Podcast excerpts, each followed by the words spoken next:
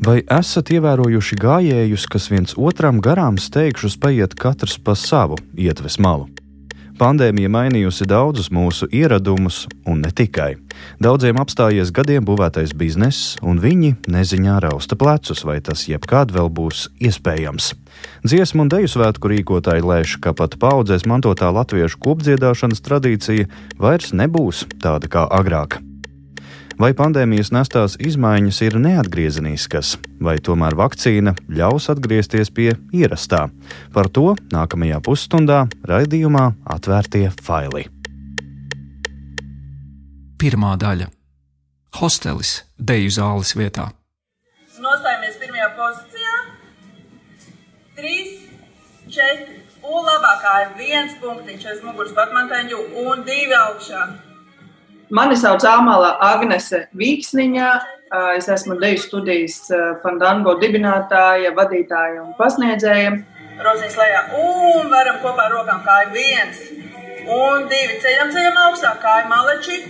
Agnese savu deju studiju nodibināja pirms 20 gadiem, pēc smagas avārijas, kad saprata, ka pati vairs nevarēs dejot grupā ritms. Traumu dēļ dažas kustības izpildīt viņa vairs nevarēja dejotāji, laikam, tā kā KGB aģenti nemēdz būt bijušie, viņi vienmēr ir dejotāji. Nu, lūk, un es uztaisīju savu deju grupu, lai, lai varētu pat studēt savas choreogrāfijas, un attiecīgi es varētu pat arī dejot. Fandango Rīgā ir trīs deju zāles. Studija Agnesei ir gan sirds lieta, gan ienākuma avots. Kad pavasarī izsludināja ārkārtējo situāciju, viņas uzņēmums bija to vidū, kuru darbība apstājās bijām daudzus mēnešus dīkstāvē, jo vasarā jau dēļ studijas arī nekad nedarbojās, bija tikai dažas, eh, dažas nometnes. Un, nu, tad septembrī sākām strādāt un atkal tikai uz pusotru mēnesi. Tā kā sanāk, ka no vesela gada mēs esam četrus mēnešus darbojušies. Studijā viņas ir trīs pasniedzējas. Pavasarī saņēma dīkstāvis pabalstus. Iztikt palīdz arī iekrājumi. Arī es esmu viens no tiem netik daudzajiem deju studiju e, īpašniekiem, kurai pašai ir arī savas telpas. Jo es nenomāju telpas, kas īstenībā ir baigta labā lieta, bet šobrīd uh, pilnīgi tas viss sagriezās visotrādi ar to pandēmiju. Jo, jo sanāk, ka es astoņus mēnešus vienkārši apmaksāju visus komunālos maksājumus, viss, es vienkārši maksāju no savas naudas. Rudenī, kad deju zāles atkal slēdza, studija sāka organizēt tiešsaistes nodarbības. Fandango Facebook profilā saliktas bildes, kurās skaisti izremontētā, gaiši krāsotā spoguļu zālē redzama viena pati pasniedzēja. Te rādām kustības, te notupusies ceļgalos pie datora. Ceļsaistes izvēršam pamatkāju arī. Agnese tiešsaistes nodarbības sauc par pagaidu variantu. Virtuāli mācīties dejot nav nopietni. Mazo bērnu grupu izformēja vispār, citas apvienoja, samazināja dalības maksu. Jo tomēr online ir online, to, nu, protams, to nevar salīdzināt, tā nav tā kvalitāte un viss. Kaut arī studijai izdevumi paši par sevi vispār nav samazinājušies. Vai uzņēmumam šajā nozarē vispār ir nākotnes perspektīva? Par to Agnese nav droša.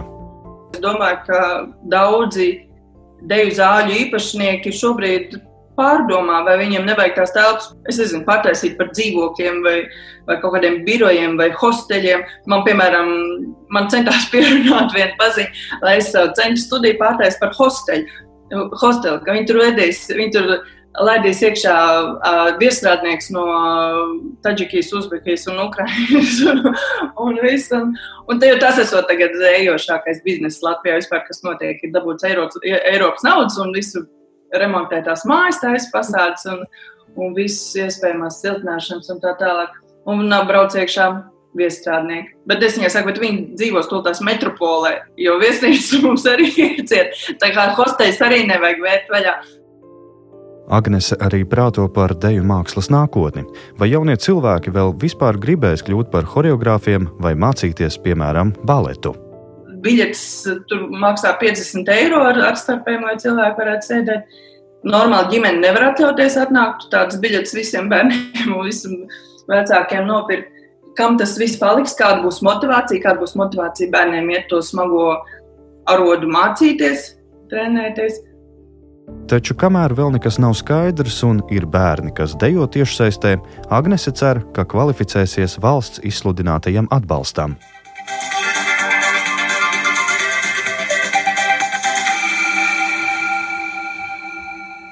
Covid-19 krīzes dēļ dīkstāvē nonākušajiem darbiniekiem izmaksās 330 līdz 1000 eiro mēnesī lielus pabalstus, tāpat valsts nodrošinās līdz 500 eiro mēnesī līdzmaksājumu tiem strādājošajiem, kuri krīzes dēļ strādā nepilnu darba laiku. Agnese labprāt pretendētu uz subsīdijām, gan algām, gan apgrozāmiem līdzekļiem, taču jau tagad skaidrs, ka savas specifikas dēļ atbalsts būs mazāks nekā citiem uzņēmumiem. Valsts noteikusi, ka atbalstu rēķinās kā atskaites punktu, ņemot augusta, septembra un oktobra algas, bet deju studijai augusts ir tukšais mēnesis. Man liekas, tur būtu jāskatās nevis pēdējos trīs mēnešus, bet pēdējos trīs mēnešus, kas bijis pirms pandēmijas vispār, jo daudz uzņēmumu vispār nav atguvušies. Pavasarī valsts noteiktajam sietam netika cauri daudzi uzņēmumi un darbinieki, un galā rezultātā Latvijā izmaksātais atbalsts bija ievērojami mazāks nekā, piemēram, kaimiņu valstīs. Dīkstāvis pabalstos neizmaksāja pat pusi no tiem iezīmētās naudas. Latvijas bankas ieskatā niecīgais atbalsts mājsaimniecībām bija iemesls, kāpēc ekonomikas kritums Latvijā otrajā ceturksnī bijis lielāks nekā pārējās Baltijas valstīs. Valdība tagad solījusi būt elastīgāka, lai gan uzņēmēju organizācijas joprojām kritizē, ka neņem vērā nozaru specifiku. Mūžīgā izvēle starp uh, mehānismu, kas ir ātrs, un mehānismu, kas ir nu, elastīgs. Kritikai atbild ekonomikas ministrijas uzņēmējdarbības konkurētspējas departamenta direktors Kristaps Soms. Klienta potenciālā atbalstāmu grupa, ja, ja tur gan mēs skaitām arī pašnodarbinātos un patentu maksātājs, ir 111 tūkstoši. Mēs, protams, nedomājam, nu, līdz šim arī praksē nav, nav pierādījies, ka pilnīgi visi piesakās, bet jebkurā gadījumā kaut vai 10 tūkstoši iesniegumu apstrāde piecu dienu laikā, kā tas ir noteikts noteikumos, tas ir, nu, kādam ir jābūt resursam valsts pusē, lai kaut ko tādu izdarītu. Uzņēmēji valdību kritizē arī par to, ka atbalsts joprojām nav pieejams, kaut bizness apturēts un rēķini jāmaksā. Ekonomikas ministrijā prognozē, ka atbalsta programmu varētu iedarbināt novembra beigās, kad to būs apstiprinājusi Eiropas komisija.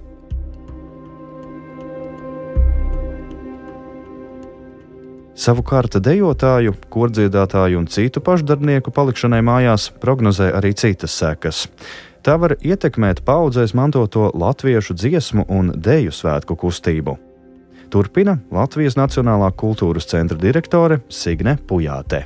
Sāpīgi teikt, bet ir kaut kādi akcenti, kuri būs eh, jāmaina, jo ir skaidrs, ka eh, cietīs kvalitātes Latvijā bija. Mēs esam radinājuši pie tā, kā eh, tautas mākslas kustība savā kvalitatīvajā sniegumā ļoti augstvērtīga.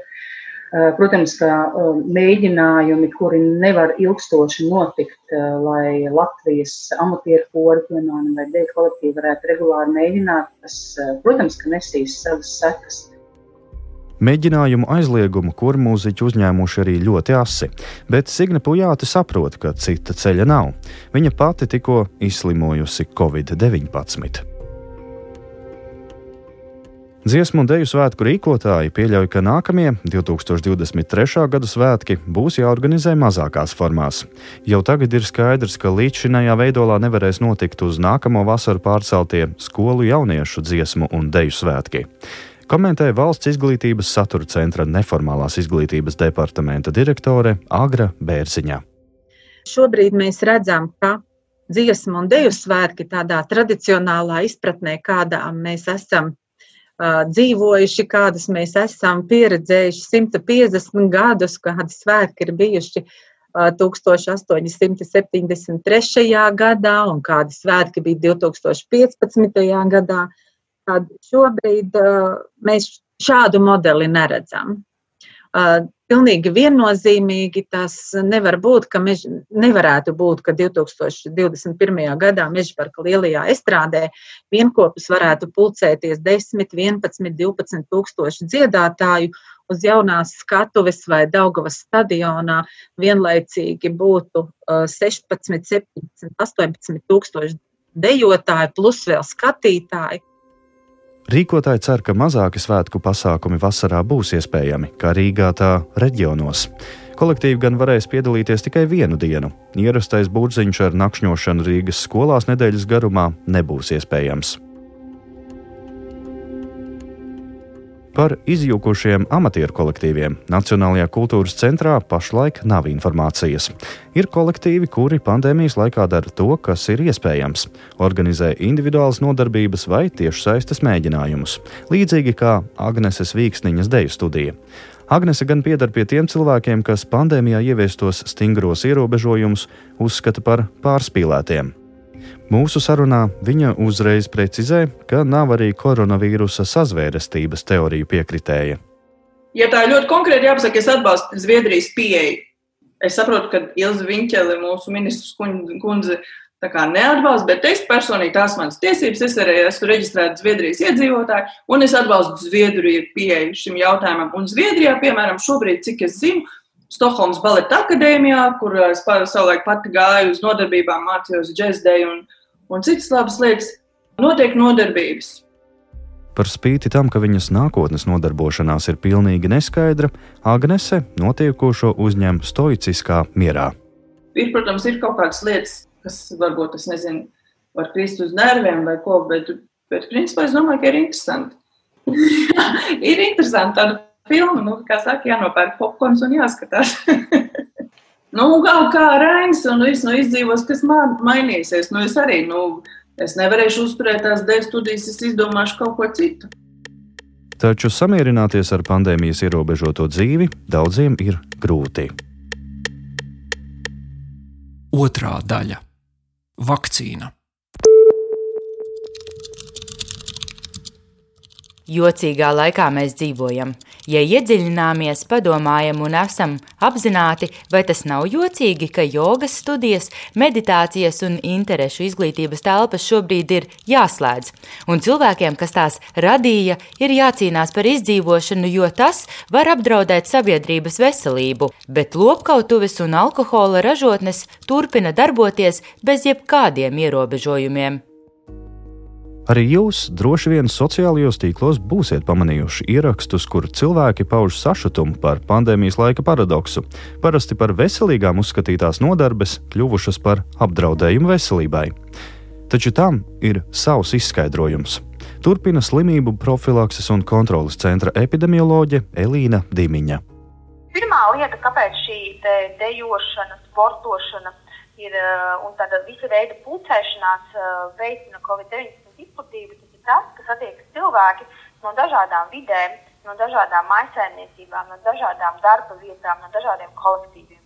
Un cilvēki no šīm dažādajām vietām sanāk kopā uh, un patiesībā veic tādas darbības, kuru laikā mēs intensīvi elpojam, uh, mēs uh, kā, varbūt skaļāk arī runājam vai skaļāk dziedam, un tas noved pie tā, ka vidē nonāk daudz vairāk elpas sekretu, un ja tur ir vīrus, tad attiecīgi vidē ir arī vairāk vīrusu. Elīnai Dimiņai ir atbilde arī tiem, kas uzskata, ka nav godīgi likt sēdēt mājās jauniem cilvēkiem, kuriem koronavīruss neizraisa smagu saslimšanu, sargājot tos, kas varbūt ar savu neveselīgo dzīvesveidu ieguvuši hroniskas saslimšanas. Covid-19 šī pandēmija eh, mums jau pa šo gadu gandrīz ir daudz ko iemācījusi. Un ir pilnīgi skaidrs, ka izolējot vienas mazas grupas vai vienas nelielas sabiedrības grupas, mēs šīs infekcijas izplatīšanos sabiedrībā pārtraukt nevaram. Veseliem cilvēkiem, skolēniem, studentiem nav smaga slimības gaita, bet mēs nekad nevaram paredzēt, kuram cilvēkam cik smagi šī slimība norisināsies. Jaunākajai Latvijā mirušajai Covid-19 slimniecei bija tikai 34 gadi. Žurnālistiem gan Latvijā, gan citur pasaulē pārmet, ka, citēju, oficiālie mediji nedod vārdu tiem ārstiem, kas iebilst pret ierobežojumiem. Šādu mediķu nav daudz, un infekciju slimības visbiežāk nav viņu specializācija. Taču viņu publiskie uzsaukumi sociālajos tīklos tiek naski pavairoti kā pierādījums Covid sazvērestībai. Jautājam epidemioloģijai Dimiņai, vai viņa ieklausās šādos mediķu viedokļos. Nu, es mēģinu ieklausīties šajos viedokļos, jo šo oponentu uh, jautājumu bieži vien palīdz izdomāt un atrast argumentētas atbildes uz pašiem uz saviem jautājumiem. Tā kā es domāju, ka ieklausīties visu veidu viedokļos vienmēr ir atbalstām.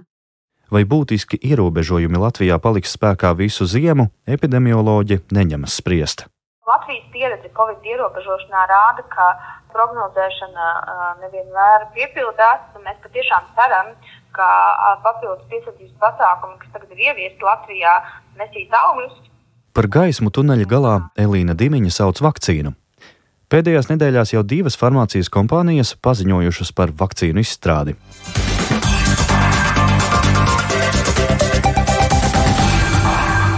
Divu kompāniju koronavīrusa vakcīna izmēģinājumos uzrāda 90% efektivitāti. Taču pagaidām neviena vakcīna nav apstiprināta un nav zināms, kad varēs sākt potēšanu. Amatpersonas sola, ka Latvijā vakcīnas nonāks vienlaikus ar citām Eiropas valstīm, jo Latvija piedalās kopējā Eiropas Savienības iepirkumā. Un ir skaidrs, ka vakcinācijas uzsākšana valstī viennozīmīgi palīdzēs ātrāk tuvoties vecajiem paradumiem un vecajai ikdienai. Tad jā, vakcīna ir tas, kas ir ļoti svarīgs, lai mēs pārvarētu šo krīzi. Taču skaidrs, ka vakcinēt visus iedzīvotājus un iegūt kolektīvo imunitāti uzreiz nebūs iespējams. Pirmos plāno vakcinēt veselības aprūpes darbiniekus un iedzīvotājus no riska grupām. Trešā daļa Zviedrijas ideāls. Ierobežojumu pretinieki nereti norāda uz Zviedriju kā modeli pandēmijas pārlaišanai. Kamēr pārējā Eiropa pavasarī aizvēra skolas un liedza jebkādu pulcēšanos, Zviedrijā bērni turpināja iet uz skolu, kafejnīcas un bāri bija atvērti. Par to gan Zviedri samaksāja ar cilvēku dzīvībām. Zviedrijā mirstība no covid-19 ir viena no augstākajām Eiropā - 58 cilvēki uz 100 tūkstošiem, kamēr, piemēram, kaimiņos Somijā miruši 5 cilvēki no 100 tūkstošiem. Tomēr Zviedrijas galvenais epidemiologs Anders Stegnels oktobra beigās intervijā Britu politikas un kultūras žurnālam News Statesman noliedza, ka Zviedrijas stratēģija jebkad būtu bijusi ļaut izslimot pēc iespējas lielākam cilvēku skaitam un iegūt pūļa imunitāti. Es gribu skaidri pateikt, nē, mēs neieviesām karantīnu kā daudzas citas valstis, bet mums noteikti bija faktiska karantīna. Tā Teganelo citē Ņūs Teitsman. Šī raidījuma tapšanas laikā intervija ar Zviedrijas Sabiedrības veselības aģentūras epidemiologiem nebija iespējama. Pandēmijai vēršoties plašumā, epidemiologa noslodze ir milzīga. Bet mums izdodas sazināties ar latviešu arhitektu Tomu Kokinu, kurš strādā par pasniedzēju UMEO arhitektūras skolā Zviedrijā. Toms sēž viens lielā sanāksmes telpā, viņam aizmugurē vairāk stāv koka siena ar dažāda lieluma stikla logiem, kas izsvaidīti juku jukām, nevis salikti taisnā rindā. Jā, ikdiena diezgan uh, diezgan pārliecinoši. Darbu, jādarbojas zumā gandrīz katru dienu. Jā.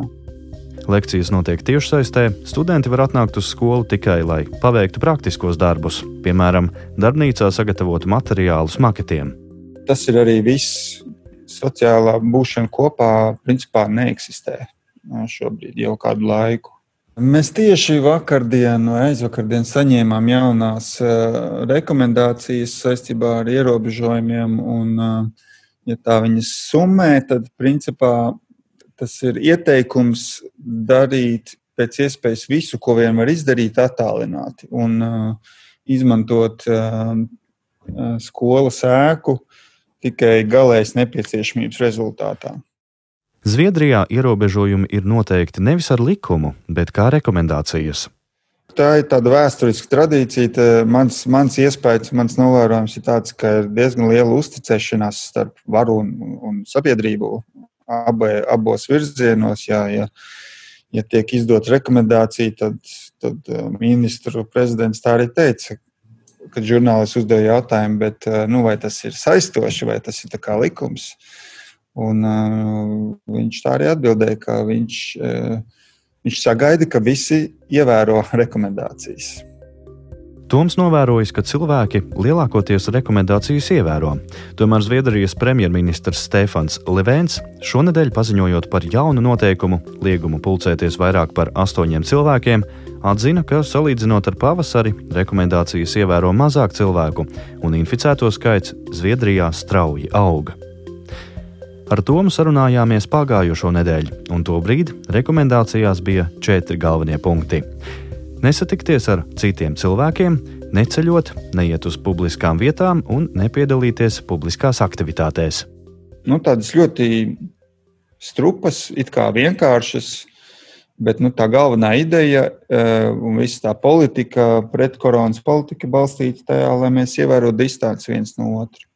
Zviedrija ir īpaši arī to uz Eiropas fondu, ka nevienam neliek nesēt maskas ārpus veselības iestādēm. Un viņu, viņu fokus ir uz to, lai mēs netuvojamies viens otram. Kultūras pasākumi nenotiek. Kafejnīcas veikali gan joprojām ir atvērti.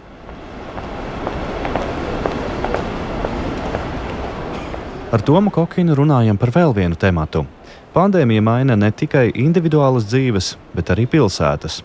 Pieklustot transporta trokšņiem virs smoga klātajām metropolēm parādās skaidrs debesis, pārkos parādās putni. Metro vietā cilvēki izvēlas velosipēdus, un pilsētu pašvaldības uz ielām sāk zīmēt jaunas velojoslas. No pandēmijas mēs varam daudz ko mācīties. Pandēmijas laikā, kā mēs visi ļoti labi zinām, visi cilvēki strādā, mācās, dzīvo, guļ no, no vienas telpas. Un līdz ar to tas viens no pirmajiem jautājumiem, kas man nāk prātā, par ko vajadzētu visiem piedomāt eh, nākotnē, ir par mūsu dzīvojamās telpas kvalitāti. Vai tai nevajadzētu būt nākotnes normai, kad mēs būvējam dzīvokļu mājas, ka pilnīgi katram dzīvoklim ir pieejams balkons vai iespēja iziet ārtelpā. Turēt augus, audzēt garšvielas, taisīt jogu un, un, un tam līdzīgi. Jo Tagad, kad daudzi tika iesprostoti savā dzīvoklī, nu, tas, tas bija īpaši redzams, cik ļoti svarīgs ir tas pieejams, tā pieejamība tam svaigam gaisam. Tas būtu tādā, nu, viens piemērs dzīvokļu mērogā, pagalmā vai kvartāla mērogā.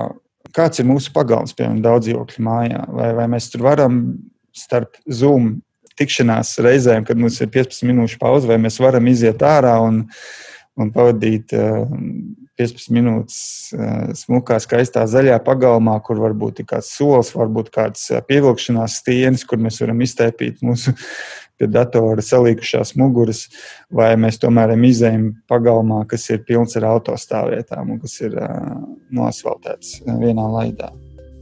Tāpat Toms mudina domāt par koplietošanas telpām dzīvokļu mājās, veļas telpu vai pirti pagrabā, trenižieru zāli vai jumta terasi. Skandināvijā tādas ir, un būvniecības izmaksas būtiski nesadārdzina. Ja tev ir tādas mazas platformas, kas tev varbūt vienu lieku reizi piedāvā, teiksim, satikt to kaimiņu, varbūt divas minūtes ar viņu pārmīt vārdus, kā tev iet, ko, tu šodien, ko tu šodien darīji, tad tas stiprina tādu kopējo mājas to kopienas sajūtu. Un pandēmijā tas ir īpaši svarīgi, ja mēs domājam par mazāk aizsargātiem sabiedrības locekļiem vai teiksim, senioru grupām, kas varbūt ir vientuļi. Un, un ļoti svarīgi uzturēt tādus ikdienas kontaktus, lai mēs vienkārši zinām, nu, kā ar to senioru viss ir kārtībā. Mēs viņu redzam, mēs viņu satiekam tajā kopējā infrastruktūrā. Bet, ja viņš ir noslēgts savā čaulā, nu, kā lai mēs zinām, vai, visi, vai viņam viss ir labi, ja, piemēram, cilvēks ir vientuļš. Tā vietā, lai iet uz teātriem, bibliotekām vai iepirkšanās centriem, cilvēki vairāk laika pavada ārā un no pandēmijas mūk uz laukiem. Sēdi ar kolēģi Zoom mītingā un redz, ka viņam fonā ir kalni. Viņš ir savā vasaras brīvdienu mājā kalnos un, un vada lekcijas no turienes. Nu, ja, ja cilvēkiem tāds iespējas, nu, skaisti. Savā ziņā negaidīts lauka repopulācijas plāns.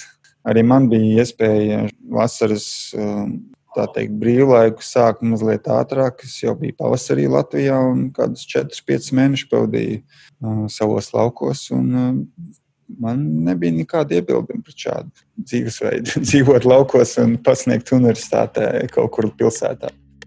Arī Latvijā pandēmija daudzus mudinājusi pārcelties no lielpilsētām uz mazāk apdzīvotām vietām. Ceturtā daļa - atgriešanās.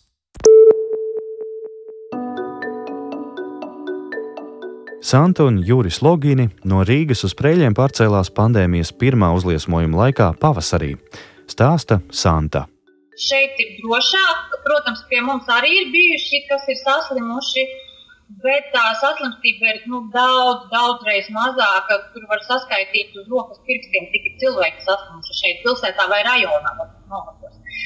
Un, attiecīgi, mums īstenībā, ja es tā skatos, to piesardzību šeit, pilsētā, uztver daudz nopietnāk nekā pat Rīgā. Santas vīrs ir elektriķis. Viņa pati fotografē un veido grafisko dizainu. Pavasarī ienākumi būtiski samazinājās. Atcēlās visi kāzu pasūtījumi, visi, jo kāzas nenotika. Tā kā principā bija tāds ļoti smags laiks, un vajadzēja sākt domāt kaut ko jaunu. Arī Prēļos sākotnēji nav zinājusi, ko iesākt. Tad uzzinājusi par Prēļu novada domas konkursu mazo un vidējo uzņēmumu atbalstam, piedalījusies un dabūjusi līdzfinansējumu, kas ļāvis nopirkt jaunu fototehniku un atvērt salonu.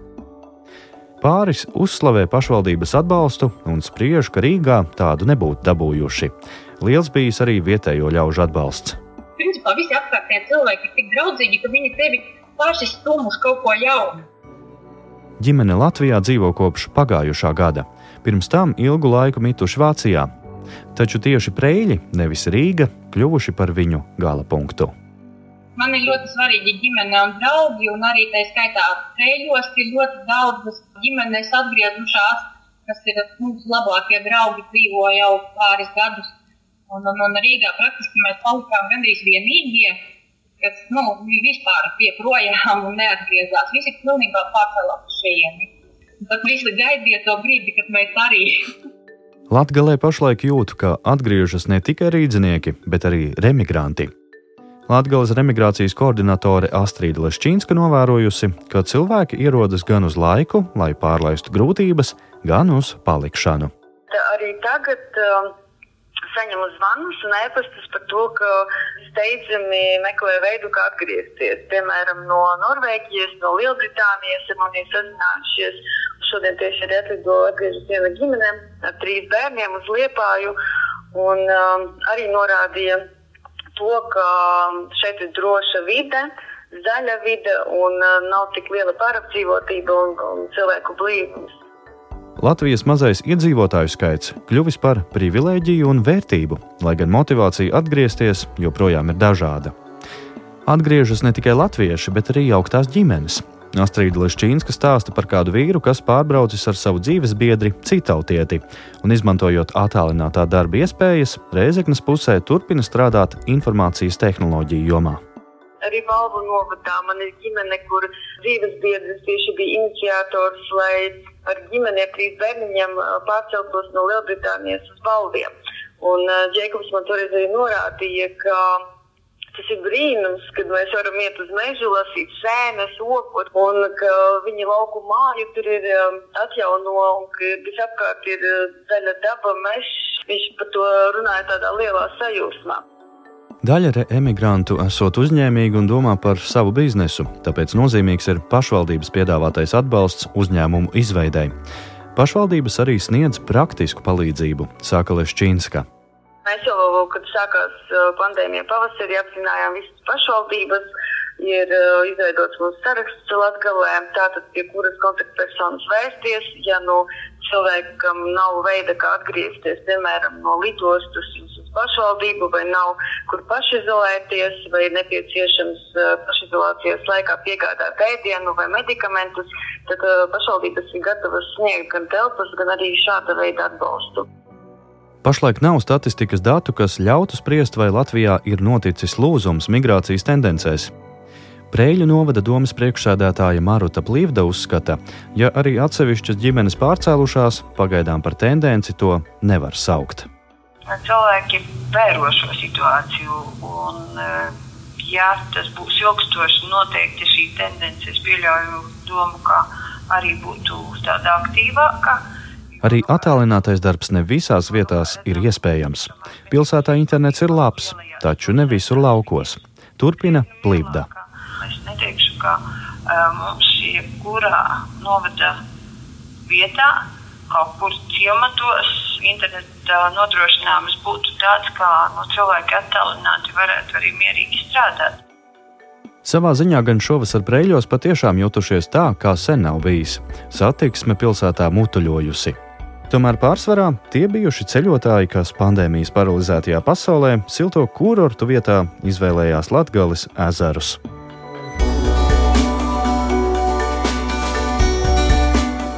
Raidījumu sagatavoja Anita Brauna, Indra Sprānce, Reinis Budze un Matīs Budovskis. Atvērtie faili!